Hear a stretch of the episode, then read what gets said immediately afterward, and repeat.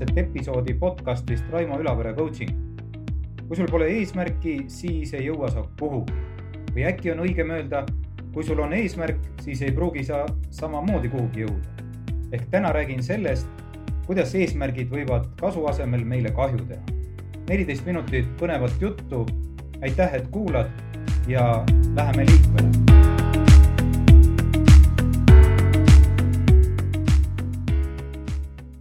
eesmärgid ja eesmärgistamine on nii töö, spordi kui eraelus juba noh, aastakümneid nautinud peaaegu pühaduse staatust.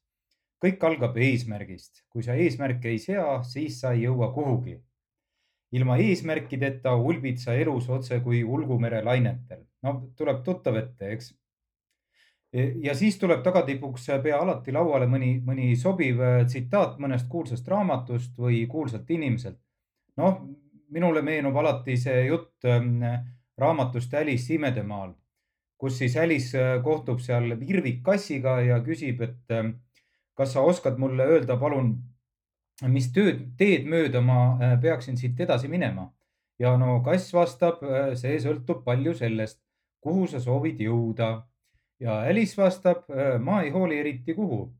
ja siis ütleb kass, et ähm, noh, siis pole vahet, mis suunas sa lähed Alice aga lisab, et peaasi, et ma kuhugi välja jõuan ja irvikass omakorda. oh, seda kindlasti. peaasi, et sa ainult piisavalt kaua kõnnid. kas tuleb tuttav ette? Äh, eesmärgid on kohustuslikud, kui tahad välja jõuda sinna, noh, kuhu sa parajasti tahad välja jõuda, eks ole. või siis teistpidi, kui sa tahad mitte jõuda sinna, kuhu sa ei taha jõuda, eks. et ja omamoodi on see loogika kõik ka õige, seda suures plaanis toetab ju terve trobikond igasuguseid uuringuid ja, ja kindlasti ka päriselu. ainult et, ainult et eesmärkidel ja eesmärgistamisel võivad esineda ka üsna ebameeldivad kõrvalnähud. ja ka seda toetavad uuringud. niisiis räägin sellest, millised võivad olla eesmärgistamise kõrvalnähud mis tegelikult ja omamoodi ka paradoksaalselt kisuvad meid eemale, eemale meie unistustest, meie sihtidest, eemale paremast elust. kümmekond aastat tagasi tegid Harvardi, Kelloggi, Whartoni ja Elleri ärikoolide teadlased, muuseas kõik väga tunnustatud ja respekteeritud inimesed ja tunnustatud ja respekteeritud koolid, ühise artikli eesmärgistamisest. ja nende järeldus oli kaunis selge ja ühene selle asemel, et käsitleda eesmärgistamist kui absoluutset ja hädavajalikku ning ka kõikvõimast iberavimit või, või, või ka niisugust nagu katalüsaatorit igaks elujuhtumiks. selle asemel soovitasid teadlased pigem käsitleda eesmärgistamist kui konkreetsesse olukorda sobivalt äh, paraja doseeringuga ravimit, mille kõrvalnähte peab väga-väga tähelepanelikult jälgima ehk lühidalt, olge eesmärkidega ja eesmärgistamisega väga ettevaatlikud, oli teadlaste sõnum. eesmärgistamine, ütlesid teadlased, on kõvasti ülehinnatud. kuidas nii? no mõned näited eesmärgistamise äh, kahjulikkusest.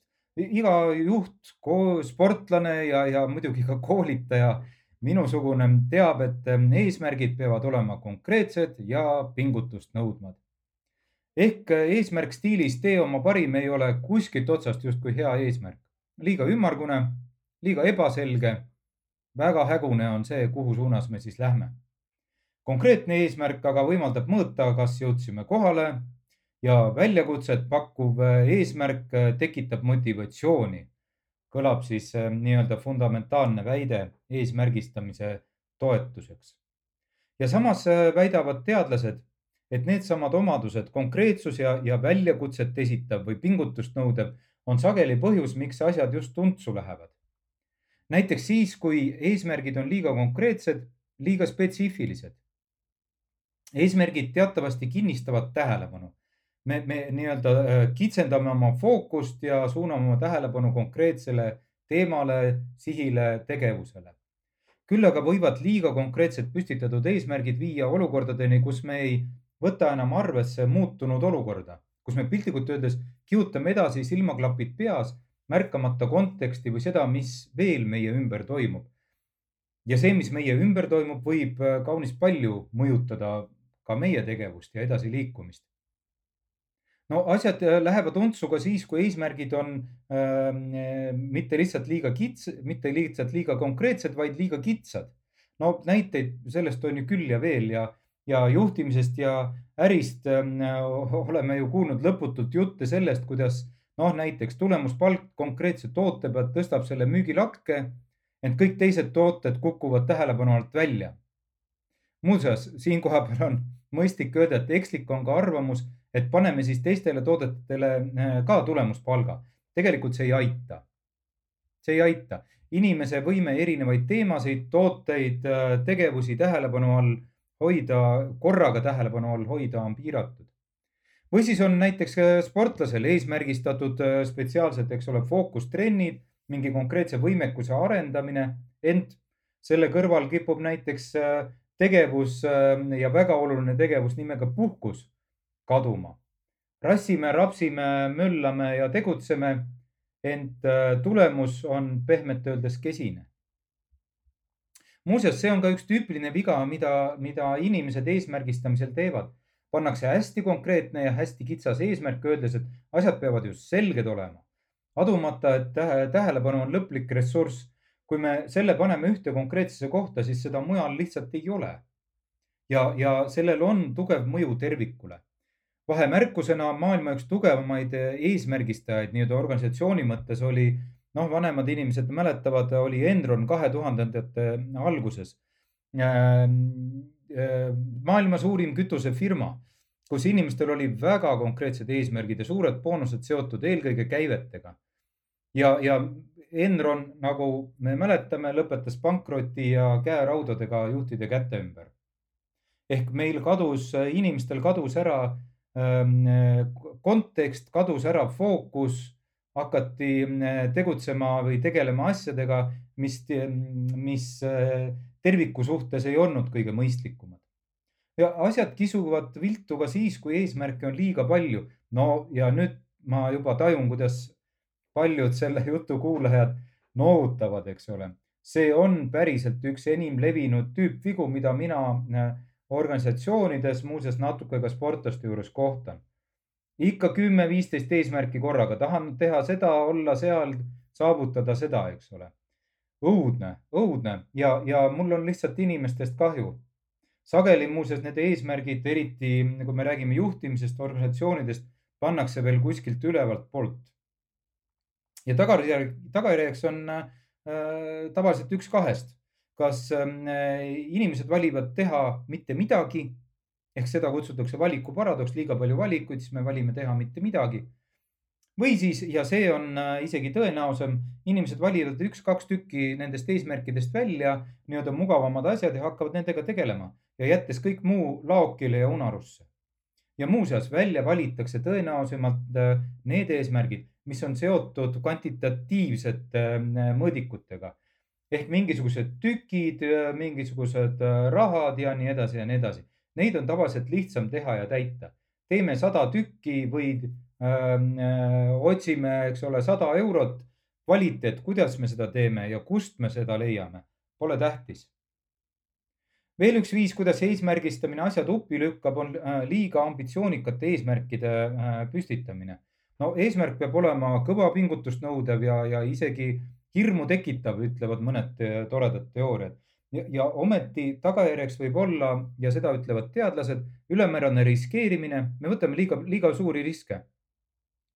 Eh, ebaeetiline käitumine ehk me hakkame eesti keeles öeldes petma, eks ole. muuseas, jällegi siinkohal mulle meenub üks eh, aastate tagant üks reklaamimüüja Äripäevast, kus ma töötasin kes eesmärkide täitmiseks äh, virutas faksist äh, nii-öelda üldisi müügitellimusi ja hakkas neid äh, endal nimele kirjutama. noh, spordivallast pole ju näiteid vaja kuigi kaugelt otsida, meil on endal siin omamaised dopingukangelased ju käest võtta. liiga ambitsioonikate ja konkreetsete eesmärkide tagajärjeks võib olla ka muuseas õppimise ja koostöö vähenemine. õppimine väheneb juhul, kui tegelik tegevus ja siht on kompleksne, keeruline, mitmetahuline. huvitaval kombel töötab sel juhul eesmärk ja nüüd kõik äh, minusugused koolitajad, sportlased ja ka juhid ilmselt kergitavad pulmu. hoopis paremini töötab seal eesmärk äkki tee oma parim tüüpi asi, eks ole. ja tagatipuks muuseas, eesmärgistamine tõstab, on ju teada, välist motivatsiooni tõepoolest tõstab. Ent samas võib see tugevasti häirida sisemist motivatsiooni, et mis on see nii-öelda fundamentaalne meie enda sisemine põhjus, et me midagi teeme. mõnikord ja üldse mitte harva me ju teeme asju lihtsalt sellepärast, et vabandust, meile meeldib seda teha, see on, me tunneme, et see on see meie asi, eks ole ja eesmärk on sel juhul otse kui mingi osa hoopis piitsa ja prääniku tüüpi süsteemist. seega, ehkki meile sageli meeldib mõelda eesmärkidest kui motivatsiooni tekitajatest ja, ja motivatsiooni hoidjatest, võivad nad tegelikult töötada sellele sootuks vastupidiselt. nojah, tore jutt, eks ole, aga kuidas siis äh, seda eesmärgistamist ikkagi teha? kui teemad on keerulised, inimeste võimekus erinev ja nii edasi ja nii edasi. kuidas siis seda Äh, ravimit äh, nimega eesmärk doseerida. ja teadlased soovitavad enne eesmärgistamise juurde minemist äh, küsida mõned küsimused. no esimene küsimus on muidugi lihtne, täpselt nagu arsti juures. arst peab siis otsustama ja, ja mõtlema, kas ravimit on üldse vaja ehk kas on tingimata vaja püstitada konkreetne ambitsioonikas eesmärk. konkreetne ambitsioonikas eesmärk seda äh, nii organisatsiooni kontekstis äh, kui ka spordivõistluse kontekstis näiteks. mõnikord teevad inimesed oma parima tulemuse siis, kui neil ei ole väga konkreetset tulemuse eesmärki püstitatud. ja, ja kui inimene teeb niigi isu ja innuga ja hästi seda, mida teeb, mis iganes põhjusel, siis äkki ongi eesmärk midagi sellist, et äh, las ta teeb oma parimat ja edasised küsimused on juba noh, sellele varasemale jutule toetudes, noh, kas eesmärk on liiga konkreetne, liiga kitsas. Kui selline tunne on või, või kui see tundub nii, siis äh, see võib viia selleni, et inimesed ei märka enam konteksti ja muutusi, mis teemaga on veel seotud. kas eesmärk on liiga ambitsioonikas? see võib viia ülemäärase riskide võtmiseni, petmiseni, ent võib viia ka motivatsiooni languseni ja kes paneb eesmärgid, noh, nagu teada, üldiselt on parem, kui inimesed panevad endale ise eesmärgid, loomulikult. Samas on ka teada, et ähm, mõningatel juhtudel me kipume panema latti liialt madalamale, liialt, liialt allapoole, hindame oma võimekust alla. muidugi, siinkohal on sobilik märkida, et enamik sportlasi, keda mina tunnen vähemasti, kipuvad panema latti jälle liiga kõrgele, mis äh, viib paratamatult ähm, pettumusteni. nii et ähm, eesmärkistamine ja eesmärkide püstitamine on kaunis äh, peenkunst ja tasuks ennem tõepoolest äh, mitu korda mõelda, kas see on mõistlik ja kui tundub mõistlik, siis milliseid eesmärke on mõistlik püstitada, et nad ei hakkaks meile vastu töötama selline jutt siis täna eesmärkidest ja eesmärgistamisest. järgmine kord jälle äh, teised teemad, teised jutud. Äh, seda ja eelmist ja järgnevaid äh, podcast'e saad kuulata Spotify'st ja iTunes'ist. nii et kohtume jälle ja kuulmiseni